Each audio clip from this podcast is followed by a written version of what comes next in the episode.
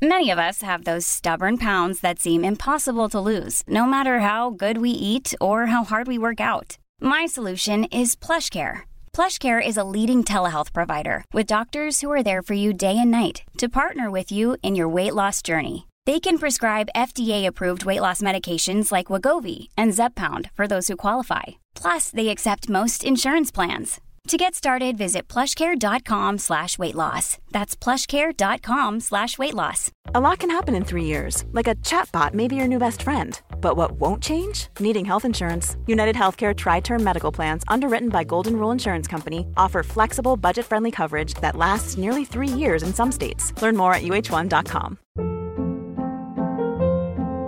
Hold up. What was that? Boring. No flavor. That was as bad as those leftovers you ate all week. Kiki Palmer here, and it's time to say hello to something fresh and guilt-free. Hello Fresh. Jazz up dinner with pecan-crusted chicken or garlic butter shrimp scampi. Now that's music to my mouth. Hello Fresh. Let's get this dinner party started. Discover all the delicious possibilities at hellofresh.com.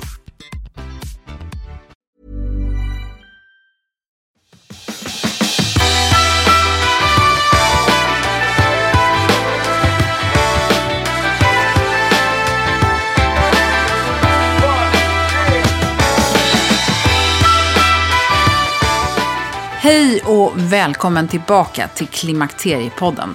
Det är så roligt att podden uppenbarligen fyller en funktion för många. Fler än 300 000 lyssningar förra året. Det är en siffra som talar för sig själv. Så jag är peppad att köra på och hoppas att du är peppad att hänga med. För nu i det här 67 avsnittet så ska vi gräva lite grann i det här med ålder och förväntningar och hur man kan lyckas motivera både sig själv och andra att se en som en attraktiv resurs. Jag har träffat John Mellqvist. Han är PR-konsult och framtidsspanare och han är en spännande person som har börjat driva ämnet ålderism, icke att förväxla med åldersdiskriminering. Så välkommen att lyssna.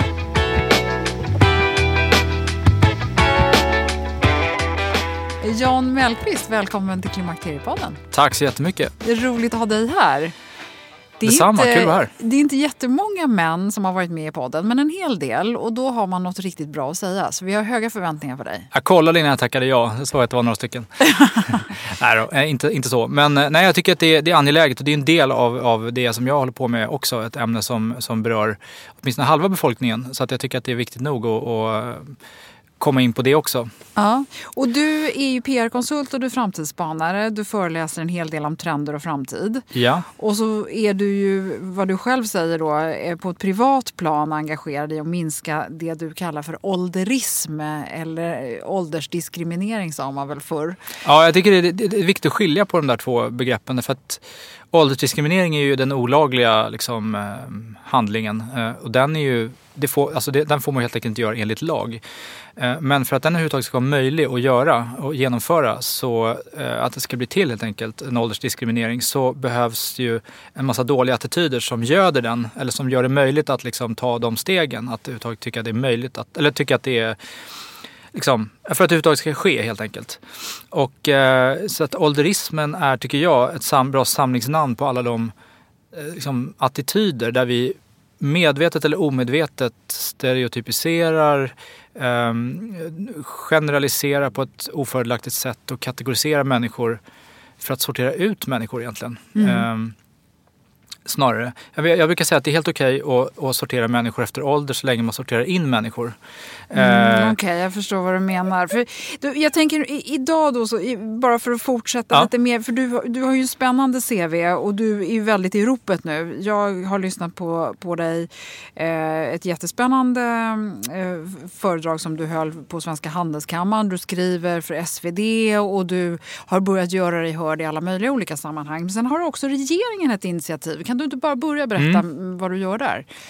Ja, nej men alltså, eh, som sagt, jag började ju för ungefär ett och ett halvt år sedan att liksom driva frågan mer opinionsinriktat. Eh, utifrån att jag tidigare har varit ganska, liksom, haft en framtidsspanarfokus på det, eh, åldersfrågan. Men eh, ju mer jag har liksom jobbat med det här och liksom jobbat med opinionen kring det och skrivit på olika ställen och, och det ena har gett det andra liksom, kan man säga så, så eh, någon gång i, i somras så fick jag ett samtal från socialdepartementet och då var det så att de hade på gång en delegation för senior arbetskraft helt enkelt. Under den här eh, pensionsöverenskommelsen som ju är en blocköverskridande överenskommelse om hur liksom, eh, ja, man har kommit överens om höjd pensionsålder och så vidare. Och hur, hur ska man hantera liksom, eh, konsekvenserna av det? Det vill säga att vi kommer behöva jobba längre, vi kommer behöva eh, liksom, man behöver, kommer behöva se positivt, mer positivt på senior arbetskraft eh, i framtiden än tidigare och så vidare. Det finns massa attitydproblem att ta tag i. Och då frågade, frågade de mig ifall jag vill ingå i den här delegationen eh, som en eh, politiskt obunden eh, eh ambassadör. Mm. Så jag är en av sju ambassadörer som ska helt enkelt verka för ett bättre arbetsklimat för senior arbetskraft och öka efterfrågan helt enkelt genom opinionsarbete och och genom att lyfta fram forskning och så vidare. Mm. För det finns forskning och det finns vetenskapliga studier som bevisar att vi inte är redo för soptippen bara för att vi kommer oh ja. till en viss ålder. Absolut. Men alltså, och där, där har vi ju då, vi har ett par professorer med i, i delegationen också eh, som är experter på just den delen som har att göra med liksom, eh, den vetenskapliga beläggen helt enkelt. Där man har studerat eh, Ingmar Skog till exempel och som, som sitter med, han, är ju, han, är ju, de, han, han jobbar ju med en forskning som man har hållit på med sedan 70-talet. Där man helt enkelt har följt eh, människor genom hela livet och eh, sett hur liksom, åldrandet eh, sker över tid men också jämför åldrandet med tidigare generationer för att kunna se liksom, hur mycket friskare vi blir och, och vad, vad, vad, finns det, alltså hur livsstilsfaktorer man skannar hjärnan för att se liksom hur hjärnan förändras över tid och så vidare. Och det, för att vara väldigt kort version så kan jag säga att han, han, han hans eh, slutsatser och deras slutsatser, AgeCap heter de i Göteborg då, eh, universitetet i Göteborg, eh, är ju att eh, det är en enorm skillnad mellan, mellan säg en 50-åring idag och en 50-åring på 70-talet. Man pratar ju om att, att en 70-åring idag ska jag säga är lika kärnfrisk som en 50-åring på 70-talet. Och det är inte så länge sedan egentligen. Eh, nej, verkligen inte. Eh, och, Vad är det som har gjort att det har hänt så mycket? Nej, men det är massa faktorer. Det, det är ju hur vi... Eh, rökningen är ju en viktig sån till exempel. Att rökningen har minskat, eh, alltså att överhuvudtaget livsstilen, alltså att vi, vi eh, lever sundare på många sätt. Och eh, det är också så att sociala medier om man tittar i väldigt närtid så kan man säga de senaste tio åren så, har, så gör ju sociala medier att vi ser mer vad andra ägnar sig åt. Och vi behöver inte leva vår ålder lika mycket som vi den förväntade bilden av vår ålder som vi gjorde tidigare.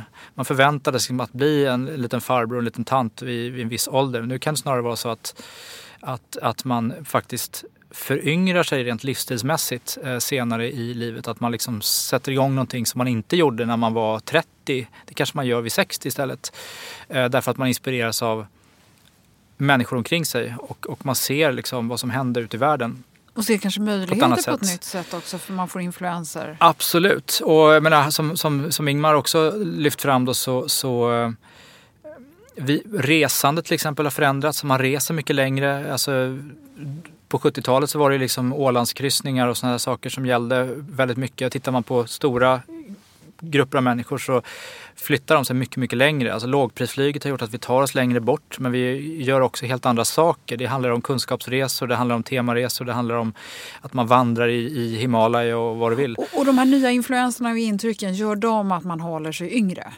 Ja absolut, alltså information och, och eh, motivation från omvärlden är ju jätteviktigt. Alltså det visar ju, men det är ju därför som eh, om man tittar, ett, ett annat exempel på det, det är ju det är därför som den här ledande åldersexperten eh, som gick bort häromåret, eh, doktor Dr. Shigeaki Hinohara, en japan, som blev 105 år gammal.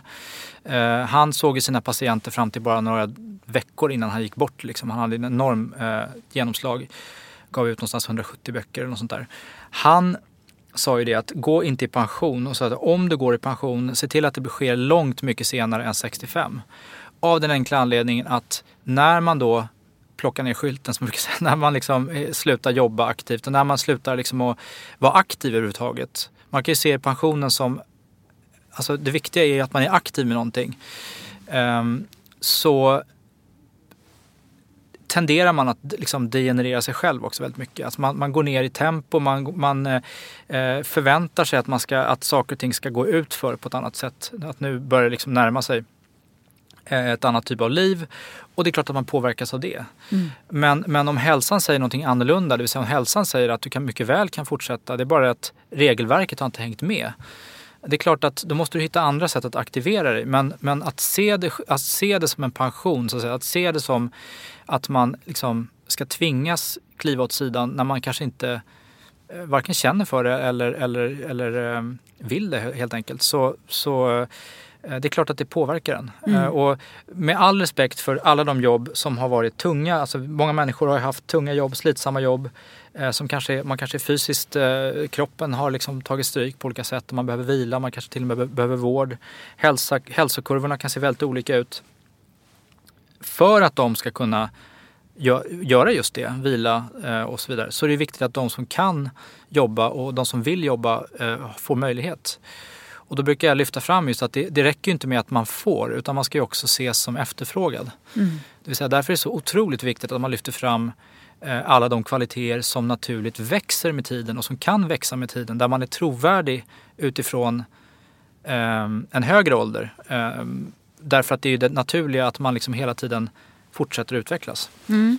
Vi, eh, så att, hälsoperspektivet mm. är ju en, en väldigt tydlig sak här. Men det finns ju en annan, du säger också att det finns fördelar, du var inne på det nu, med det här med fördelarna med att bli äldre och mm. varför, eh, varför det finns en fördel att använda äldre i arbetslivet. Kan du inte utveckla det? Mm. Jo, men alltså det är ju, eh, det är ju så att eh, Tittar man på hur arbetslivet ser ut idag när man har haft en väldigt mycket, det har varit lite av millennialfeber kan man säga, att man, man vill bara ha anställda som är, om man ska vara väldigt hård, hårdrare lite grann, så de som har efterfrågats i, i, i jobbannonser och så vidare. Det, man vill ha människor som är eh, liksom, någonstans mellan 25 och 40, säg. Eh, och sen, sen är man liksom, blir man väldigt eh, eh, ängslig om, om, om, om, eh, om man skulle då liksom, om det kommer andra människor som, som är äldre än så eh, och för den delen yngre också. Men, men eh, man är helt enkelt ganska åldersstereotyp när man, när man eh, gör sitt urval. Eh, poängen med att, att ha olika generationer på, på en arbetsplats, det är ju flera egentligen. Det, det har att göra med att du får en, en naturlig eh, kompetensöverföring från, med olika perspektiv på samma uppgift eh, och där, där man kan avlasta varandra eh, genom att man kan få stöd i den specifika arbetsuppgiften. Men det är också så att eh, när, det blir, när det blir besvärligt och när det blir trögt och när man kanske möter något motstånd och så vidare så kan det vara väldigt skönt att få ett, ett stöd som har att göra med eh, helt enkelt bara med livserfarenhet. Det vill säga en person som har, har genomlevt svåra saker och som, säger, som står på andra sidan och säger att det är lugnt, vi, det här tar vi oss igenom. Eh, som kanske till och med säger att gå hem och sov, så vi, vi löser det här imorgon. Det vill säga en naturlig, ska man säga, en naturlig auktoritet som är formad av erfarenhet av livet egentligen. Det har ett stort värde idag om man tittar på ett arbetsliv där allt fler unga kör i väggen. Eh, allt fler unga stressar ut sig, eh, på olika sätt inte mår bra. Eh, och kan man få en bättre, en bättre liksom blandning av, av olika erfarenheter, olika generationer på samma plats så är det naturligt så att stress och ohälsa kommer ju att bli lättare att hantera. Ehm, Därför, helt enkelt därför att det är väldigt avstressande också för, tänk dig att du är en, om du är en ung individ som ska in på arbetsplatsen och känner att allt man måste hinna med och allt man, man, man måste göra och man vet inte konsekvenserna om man faktiskt inte lyckas med det. Eh, om ingen kan berätta det för dig, det är klart att, du, att, att det påverkar dig negativt. Så att eh, det finns ju många sådana exempel. Jag, vet, jag brukar ta ett sånt där när, när Carolina Neurath eh, jobbade på, på Svenska Dagbladet, som har hon berättat tidigare, så gjorde de en massa såna här eh, av, de fick en massa avgångsvederlag till, till eh, anställda som var över 50-55 eller sånt där. Senior, eh, den seniora kapaciteten där. Och det ledde till att hon var den mest seniora reportern, 28 år gammal, på redaktionen till slut. Mm. Och det fanns liksom ingen fråga. Det är ett väldigt erfarenhetsdrivet jobb såklart. Och det är klart att hamnar man i en sån situation att, att det kort sagt inte finns någon fråga om råd. Någon, ingen man kan anförtro någonting som är... Men, men om man tänker nu då att, att du och jag förstår att de yngre behöver det här. Men hur ska vi få arbetsgivarna och arbetsplatserna att få oss som är lite äldre och känna oss behövda så att vi känner oss motiverade att vara kvar och, och, finnas tillgängliga och kanske göra, till och med, du pratar mycket om att det är dags att göra nya karriärer. Mm. Jag tror att eh, en, en viktig poäng är vem som säger det. Alltså, om, om, om man kan få fler unga att öppna munnen kring det här och eh, prata om behovet av att, att man vill ha äldre människor eh, på kontoret, säg. Eh, då är det mycket lättare att köpa det argumentet än om, om, om eh, säg att jag är i den åldern, ska jag stå och säga det själv och prata i egen sak? Det blir liksom inte lika trovärdigt det är faktiskt så att, att det är väldigt många unga människor som tycker att det, är, att, att liksom det har gått överstyr. Att, det, att vi är på väg åt fel håll när, just när det gäller attityderna. Mm. Men om man har, hamnat i den här situationen, för, för jag har ju många lyssnare som, som vittnar om att de har lite svårare att, att hitta den här motivationen och man kanske vill göra förändringar och så vidare. Det skaver lite grann och man känner sig lite osynlig kanske till och med mm. på arbetsplatsen. Hur, hur ska man ta tag i det här?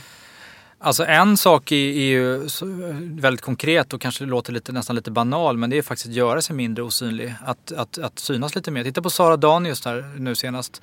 Eh, hur hon visar. Hon, är, hon har ju varit lite kantstött den senaste tiden och fått, fått eh, ta hårda smällar. Hur gör man då om man ändå ska, om man ändå ska visa upp sig, eh, vilket hon ju ska. Se det som att så. Det är att hon, hon tar i mer än någonsin och visar upp eh, självsäkerhet, mod, vilket var ju temat för Nobel. Och eh, låter det tala för sig själv. Eh, det vill säga att inte, om man känner sig lite grå, om man känner att man, så här, man känner sig osynlig, för det är väldigt vanligt, ska jag säga i de samtal jag haft, att just den här eh, medelåldern eh, eh, att det infinner sig någon slags grå stämning där, att man inte känner sig lika sedd. Helt, och det kan många vittnat om att det känns som från en dag till en annan nästan. Att helt plötsligt, en, från en dag till en annan så kände jag mig helt plötsligt inte längre sedd eller, eller, eller märkt av min omgivning. Och det är en väldigt sorglig känsla såklart. Men vad jag menar är då att kanske det är en signal också om att det kan vara en poäng att snäppa upp, eh, även tänka på eh, vilka möjligheter har jag att, att, att synas konkret på annat sätt? Det vill säga att jag kanske ska, jag kanske ska se över min, hur jag ser ut, vad, vad, jag liksom, vad har jag för mitt uttryck och sådär så att man faktiskt eh, tar i lite till.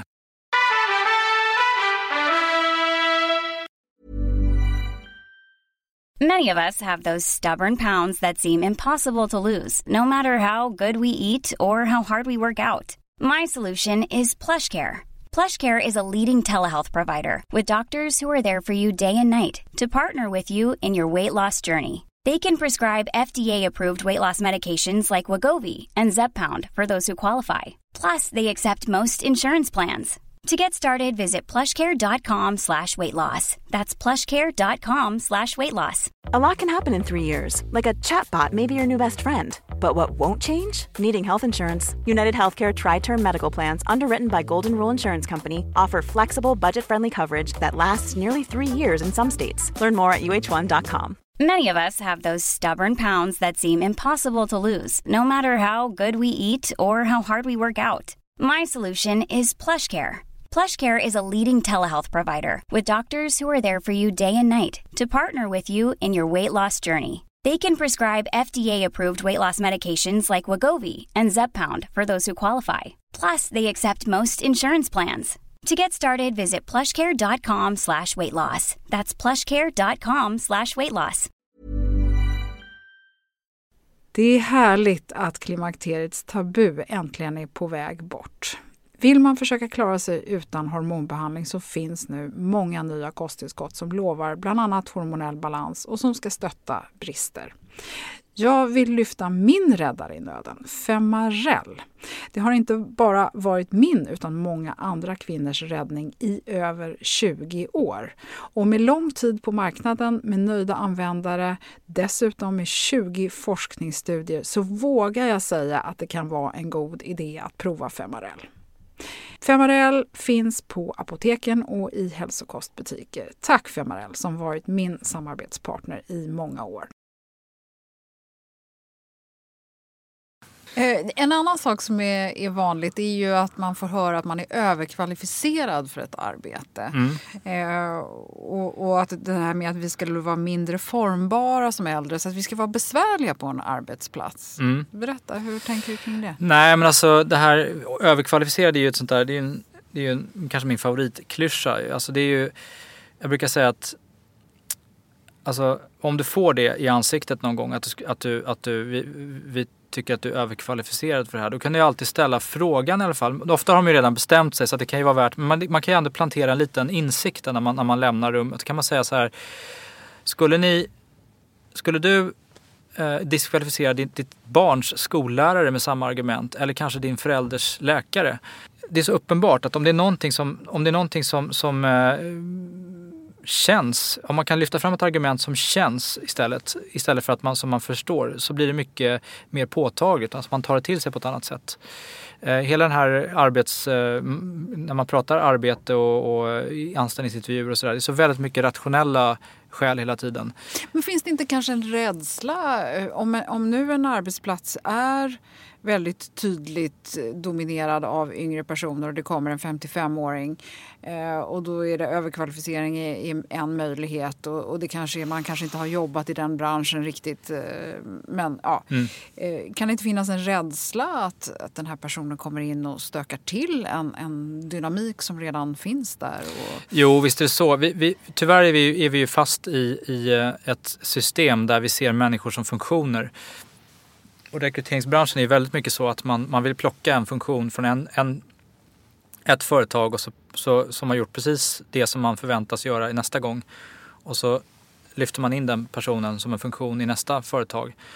Eh, och eh, då ska man passa in hela tiden i mallen. Eh, man tänker inte utifrån att, att det är mycket mer hållbart att, att vidareutveckla människor. Då växer ju människor och eh, då gör ju också att man faktiskt ehm, etablerar mycket bättre, en mycket bättre grund för bra företagskultur och att få människor att stanna och så vidare.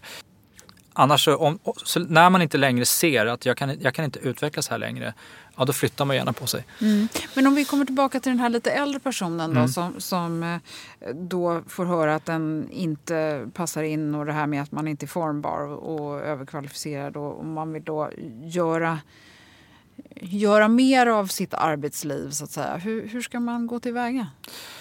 Eh, nej men alltså jag tror att det är otroligt viktigt vilken, eh, vilken återigen vilken känsla du kan förmedla i mötet med den som ska rekrytera. Det vill säga vilken bild får han eller hon av dig som, som eh, arbetssökande. Och där Eh, där skulle jag säga att den bild du vill förmedla i alla lägen idag, det är ju att du vill framåt och att du fortfarande vill lära dig nya saker. Och det blir viktigare ju längre du har jobbat eh, bakåt, så att säga, ju mer arbetslivserfarenhet du har, desto viktigare blir kvaliteten att kunna visa vad du vill göra framåt. Eh, helt enkelt av trovärdighetsskäl. Det vill säga att man förväntar sig att en person som har gjort väldigt mycket, det finns en sån bild. Eh, att man liksom eh, är ganska nöjd med det och att man inte hela tiden vill framåt. Men att man skulle bara sitta och rulla tummarna för att få dagarna att gå? Ja, men att man lutar sig mot gam, liksom gamla meriter lite mm, grann. och sådär. kanske till och med blir lite besvärlig då? Ja, att, att man tycker... Ja, och, precis. Men jag menar, ju, ju, mer du kan visa att du, du, du vill framåt, eh, desto bättre blir det ju, desto så att säga, eh, desto mer energigivande blir ju också samvaro med dig. Som, det är bara, det är lätt att tänka sig. Det är de, om man tänker på de människor som man tycker är roligt att jobba med så är det människor som det är ju inte de som sitter i vägen och, och, och säger nej utan man vill ju ändå ha eh, någon slags framåt-energi. Mm. Och eh, kan man visa det så, så, är, så är det ju väldigt mycket eh, vunnet redan. Och då inställer sig frågan då, hur ska man visa det? Jo, för det första så har du ju till exempel i LinkedIn då, din LinkedIn-profil. Eh, om du inte har en LinkedIn-profil så, så skulle jag varmt rekommendera att jobba med en sån därför att eh, det är ju mer och mer eh, liksom ditt mm, virtuella CV eller ditt, ditt eh, uh, dynamiskt CV på, nä på nätet kan man säga CV. Men det är också mer än så därför att där kan du beskriva mycket mer kring vad du vill framåt. Du kan dokumentera alla projekt som du har Eh, eh och du kan också, och alla in initiativ och så vidare, alla kurser som du tar och så vidare kan du liksom lägga upp i, i, i, eh, på ett bra sätt, dokumentera så att, så att det går att se. Och ju mer sådana saker man ser löpande, det är klart att det ger också bilden av att det är en person som hela tiden vill lära sig nya saker. Så det är ett bra sätt att visa det. Um, men att beskriva i sin sammanfattning till exempel, det här vill jag framåt, liksom, det här vill jag ta, då, då får man också bilden av att det här är en person som inte vilar på lagrarna utan som faktiskt Ja, inte stagnerat. Nej, bara och, det, och, det, och det, det, är ett ganska enkelt trick för att liksom få, den, få den bilden. Och fokusera gärna på det som är närt, alltså det som är inte för långt bak i tiden utan lägg fokus på det som är eh, i närtid så att säga. Så att det tätnar med dina engagemang i, i närtid och så vidare. Då, då, är också där, då skapar du också en bild av att du, det här är minsann en person som, som drivs av ständig, eh, ständigt lärande. Och det, för det är ju det som är framtiden. Alltså, det är väldigt få människor om man tittar framåt som kommer att ha exakt de kvalifikationer som krävs därför att kunskap idag, detaljkunskap, har så kort liv. Eh, så att eh, därför så, så är det ju väldigt, väldigt viktigt att, därför brukar jag säga att redan inför första mötet, eh, säg att du söker en roll, vilken som helst. Det här, det här vill jag göra. Eh, ta reda på vad saknar du istället? Vad saknar du eh, för att kunna uppfylla den här rollen på ett mer än bra sätt? Ta reda på vad du kan lära dig i det. Ta reda på vad det kostar, hur mycket tid det tar och så vidare. Så har du det i bakfickan när du pratar. För skulle då frågan komma upp kring kvalifikationer, kring eh, eh liksom, eh, okej okay, vad har du som bevisar det och så vidare. Så här, då kan du dra fram det esset och säga så här, ja men jag, eh, för att kunna göra det här så, så, så, vill jag ta den här kursen för att bli liksom state of the art. Då, och det kommer att kosta sig så mycket och det, det är något som jag gärna vill förhandla om så att säga. Men en sån människa vill man ju ha en som, som redan på förhand har tagit reda på vad som krävs mm. Eh, och, och, och sen faktiskt vad man saknar. För ofta så gör man ju så i CV så att man brer på. Men här tycker jag att man ska faktiskt göra en poäng av att så här, jag är mycket medveten om vad som krävs. Och sen också då, nu när du säger det här med kunskap att det är, det är lite mer färskskap. Då tänker mm. jag så här, då är det ju verkligen ingen belastning att man är gammal utan tvärtom. Det, du det det måste ändå lära dig nya grejer hela tiden. En nyfiken 60-åring är mycket mer värd än, än, än, än en, så att säga, en eh, arrogant 30-åring om man ska hårdra det lite grann. Eh, så att därför så är, så är det ju, och det finns ju allt däremellan. Man ska ju komma ihåg det, att det finns ju alla det, Allting, vad, vad det kommer ner till, det är ju vilken personlighetstyp och vilken, eh, så att säga, eh, menar, saker som, som vilken, givetvis vilken kunskap du har, vilka soft skills du har. Alltså vilka, eh, de här som inte är liksom detaljkunskaper som är professionella utan som handlar mer om dina eh, alltså ledaregenskaper, dina liksom förmåga, kamratskap, eh, om du är liksom socialt begåvad, allt det här. Sådana saker blir också viktigare att liksom lyfta fram. För det är också ordförråd och sådana grejer, språkkunskaper och sånt som naturligt växer med tiden där ska man ju ha sina, eh, så att säga, sina, sina um, det är det man ska lägga fokus på. Ja absolut, på. Alltså det, det är viktigt. Men, men just för att täcka upp de här delarna där man liksom kan vara lite ifrågasatt så kan det vara en poäng att, att verkligen ta reda på vad, vad, är, vad är det som krävs idag för att man ska liksom fixa det här jobbet. Det är lätt att liksom bara bortse från jobb för man tänker så här, äh, men jag, inte, jag har inte, vadå, de frågar efter en digital människa, det kan vi också beröra för det är ju det är också såna grejer, alla är ju digitala idag. Frågan är ju bara hur man är digital, men många skräms ju av det ordet för de tänker så här, äh, men jag är för gammal för det där. För att, eh, men, men eh, gör inte det utan ta reda på istället vad, vad är det som, vad, vad, avser man? Ställ frågan om inte det framgår tydligt för då tycker jag det är en brist i, i jobbannonsen, eh, att man inte har förklarat vad, vad, vad menar man egentligen. Och, och, sen så ska man umgås lite över åldersgränser och du pratar mm. om mentorskap och sånt där för mm. att hålla sig ung och fräsch och, och ajour. Berätta lite kort. Eh, alltså, eh, mentorskap tycker jag är ju oerhört viktigt. Eh, framförallt nu om man nu ska överbrygga de här problemen som vi har med psykisk ohälsa och allt sånt här som, som har så mycket stresssymptom och sånt där. Så måste man ju finnas, det måste finnas en ventil att, att eh, helt enkelt kunna få stöd och kunna få hjälp, kunna få eh, rätt frågor ställda till sig så att man får fundera själv eh, och så att man liksom kommer i rätt perspektiv på, på, sin, på sin tillvaro. Och det är det en mentors uppgift är ju faktiskt att, att ställa frågor så att, eh, eh så att man liksom hittar, hittar sin, sin eh, liksom rätt, rätt, rätt hållning till, till sitt jobb. Eh, och eh, där tycker jag en, en intressant eh, utveckling är ju att vi ser mer och mer av omvänt mentorskap där, där yngre människor, medarbetare, mentorerar äldre.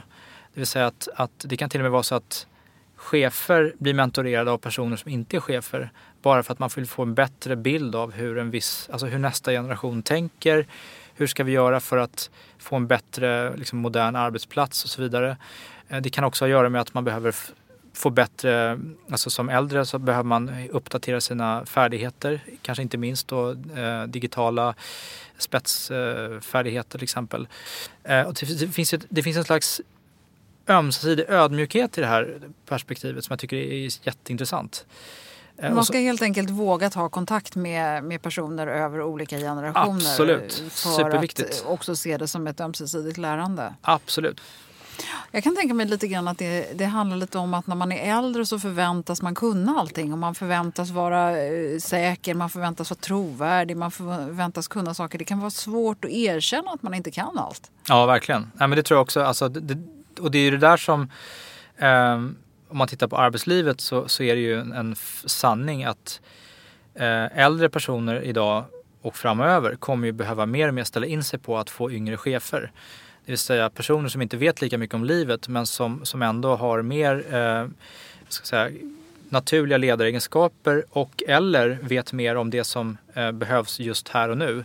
Eh, men med det sagt så, så kommer ju äldre personer fortfarande att ha sin erfarenhet och den erfarenheten har ju alltid ett väldigt stort värde mm. eh, på andra sätt. Så jag brukar lyfta fram rådgivningsfunktionen. Otroligt viktigt att eh, att ha eh, livserfarenhet på nära håll. Eh, så att man, eh, jag fick frågan också någon gång om jag vad jag tyckte om att, att personer under 30 år idag blir partiledare till exempel. Och jag sa det är, jag är, jag är ing, ingenting principiellt emot det. Jag tycker det är, jag tycker det är alldeles toppen eh, att man släpper fram unga ledarbegåvningar.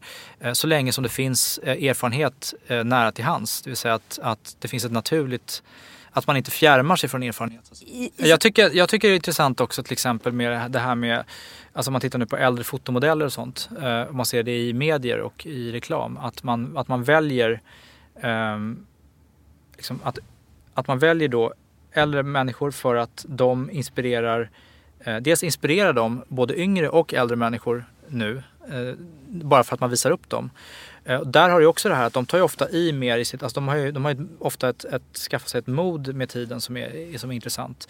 Eh, och det inspirerar ju yngre människor till ett, liksom ett vuxet eh, säga, förhållningssätt till, till, till mode och stil och sådär. Men jag tycker också att det är intressant därför att det, det kommer att göra det lättare. Det kommer att förbättra situationen för eh, äldre människor även i eh, arbetssituationer. Alltså de kommer bli mer valbara därför att de syns mer också i. Så att synligheten har liksom ett egenvärde. Eh, och det är ju en stark eh, signal om att, att eh, det är en pendelsvängning ganska mycket. Men det är också tycker jag en, en, en, en befogat därför man, man pekar på liksom så här ser det ut längre fram. Vi kommer behöva jobba och vi kommer behöva finnas med mycket längre eh, och eh, vi måste, det finns något intressant med människor som har lång erfarenhet och som har gjort någonting eh, under väldigt lång tid. Eh, och som står där ändå och är starka och friska. Liksom. Mm. Eh, och det är det som inspirerar väldigt mycket. Som jag har tagit upp Iris Apfel och Lynn Slater och de här som, som är förebilder. Mm. Men, men, eh, och Jane Fonda ska vi inte tala om och det finns många. Men, men, eh, så det tycker jag är en intressant aspekt. Sen har vi det här med late blooming som jag tycker är spännande också. Det vill säga att det här att jag tänker på Nike, jag tror jag hade den med i min föreläsning där. Nikes, eh, en av de senaste reklamfilmerna som heter Dreams Don't Have an Expiration Date. Som, handlar, som har att göra med att man ska kunna starta upp någonting, följa, fullfölja en dröm när som helst i livet. Och då tog de den här 81-åriga maratonlöperskan som var den första, alltså hon, hon eh, sprang sitt första maraton vid 81. Mm. Och använde henne som frontfigur i kampanjen. Det säger också någonting när man liksom aktivt väljer en, en, en, ett sånt perspektiv och man tar inte en 25-årig atlet utan man tar en som är 81-årig. Och, det, och hon inspirerar ju enormt alla åldrar. Mm. Eh, för att det är den, alltså det är återigen, det är så, det är, den, det är så intressant därför att det här berör ju oss alla. Alltså vi, alla har ju en framtid där vi blir äldre. Hur vill vi att den ska se ut? Det är en väldigt enkel fråga att ställa sig egentligen. Om vi som slutkläm här nu ska komma med något konkret och bra råd för den här kvinnan som lyssnar på det här avsnittet nu som känner sig som hon är lite i den här eh, du kallar det att man kan vara i livs... Det finns en liten hack i, happiness-kurvan. Ja. Hur är det du säger? Nej men kurvan, alltså det, det har man ju forskat fram att, att eh, aktuellt med en bok i år faktiskt. Eh, att eh, man pratar om the happiness U-curve. Alltså att, att människans lyckotillstånd eller lycka är ju eh, som en U, den är U-formad. Det vill säga att någonstans i 20-årsåldern börjar man jobba och så jobbar man på och då, och då, då, har man liksom, då är man totalt eh, inställd på att förändra världen. Och sen ju längre man jobbar och nöts mot verkligheten så kommer man till insikt om att vad svårt det var. Och sen så någonstans vi kanske någonstans vid ja, runt 40, 45, 50. Eller ja, mellan 40 och 50 någonstans. Så kommer en, en, en känsla av att, eh, var det så här det blev? Eh, ja, det blev inte mer än så. Och då är liksom lyckan i, i botten. Men sen visar då eh, väldigt eh, erkända studier då att sen tar lyckan fart igen uppåt. Många får liksom, man kommer in i en andra andning och man inser att nu tar man sats igen och eh, man börjar hitta andra perspektiv på livet. Och man börjar helt enkelt se livet med lite andra ögon och då tar det fart igen och fortsätter så ända upp i över 70-årsåldern. Liksom i, och sen är det klart att det, är beroende lite på, på hälsa och sådär och det är väldigt individuellt. Det kan vara bra att känna till att, att eh, många får en, en, extra boost någon gång eh, i den 50-årsåldern där man känner sig verkligen grå och på botten på något sätt och sen så börjar man börja ta fart igen man, man, man, man, jäm, man har liksom fel jämförelser vid en period. Man, man liksom halkar ifrån sin eh, det man brukade tycka var, var, roligt och viktigt och så vidare. Det blir helt plötsligt inte lika roligt och viktigt längre. Och det visar ju också den här eh, U-kurvan då att det, det, har mycket att göra med det också. Att man helt plötsligt får man inte samma kickar och samma saker längre. Och Nej, man kan känna sig lite vilsen plötsligt. Exakt va? och det, det är då det gäller, det tar ett tag att hitta nya eh, motivatorer. Mm. Så att eh, hang in där är väl kanske rådet. För att, för att ofta så blir det väldigt mycket bättre mm. lite längre fram. Mm. Men man, det gäller att hålla sig nyfiken och ajour och det gäller ja. att eh, också titta sig omkring och titta efter nya möjligheter och kanske våga ta det här steget eh, i, i någon slags andra eh, karriär eller tredje mm. karriär eller femte karriär eller vad det nu kan vara. Och du måste visa att du är ny. Alltså det är det som är poängen också. Att det inte, gäller inte bara att du har den känslan själv. För det kan man ju, det kan ju variera lite grann också. Men, men visa, gör, ta aktiva steg som visar att du har eh, en vilja att röra dig framåt. En vilja att lära nya saker och så vidare. För att det är det som gör att andra människor tror på dig. Mm. Och så ska man andas lite eh, också. Man får inte se osynlig ut. Man ska vara lite man ska i, synas. Ja, exakt. Var inte rädd för att ta i med färg och form. Nej, Nej det finns väl, jag kommer osökt att tänka på den här eh, kulturtanten som liksom har en stämpel. De, Gudrun Sjödén-skynkena. Ja, precis. Exakt. Ja, precis. Man, man ska göra det på sitt sätt som, som man känner sig bekväm med, ska, ska jag ju vara tydlig med att säga. Men jag tycker att det var väldigt intressant att se eh, responsen på hur hon togs emot eh, Danius där på Nobelfesten och eh, vilken effekt det blir när man liksom eh, ur ett ganska Ja, men liksom, hon har ju varit ganska utsatt och fått motstå Verkligen. mycket. Eh, hur hon visar, visar sin styrka genom sitt sätt att, eh, att klä sig. Mm. Eh, så att eh, jag tycker att man kan låna valda delar av, av just den strategin. Mm. Ja, jättebra. Har vi missat någonting slutligen? Säkert, massor. Men det får vi ta nästa gång. Ja, okej. Okay. Jättebra. Tusen tack Jan för att du kom till Klimakteriepodden idag. Tack jättemycket för att jag fick komma hit. Ja, och så tänker jag att vi ska hitta några, några inspirerande länkar som vi lägger upp i anslutning till det här avsnittet. Absolut, ja. det gör vi. Ja, tack. Tack.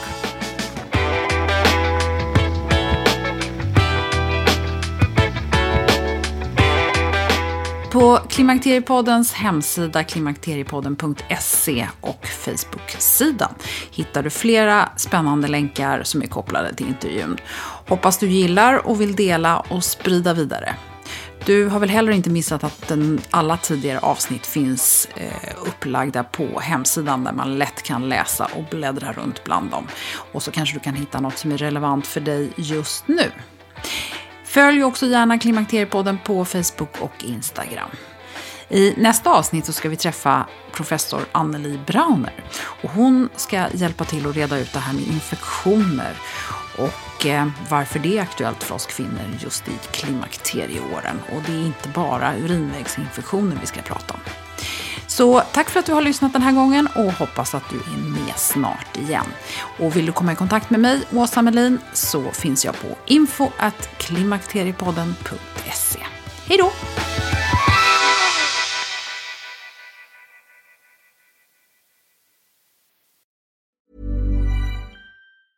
Ever catch yourself eating the same flavorless dinner three days in a row? Dreaming of something better? Well, HelloFresh is your guilt-free dream come true, baby. It's me, Kiki Palmer. Let's wake up those taste buds with hot, juicy pecan-crusted chicken or garlic butter shrimp scampi. Mm. Hello Fresh. Stop dreaming of all the delicious possibilities and dig in at HelloFresh.com. Let's get this dinner party started. Hi, I'm Daniel, founder of Pretty Litter. Cats and cat owners deserve better than any old fashioned litter. That's why I teamed up with scientists and veterinarians to create Pretty Litter. Its innovative crystal formula has superior odor control and weighs up to 80% less than clay litter. Pretty Litter even monitors health by changing colors to help detect early signs of potential illness. It's the world's smartest kitty litter. Go to prettylitter.com and use code ACAST for 20% off your first order and a free cat toy. Terms and conditions apply. See site for details.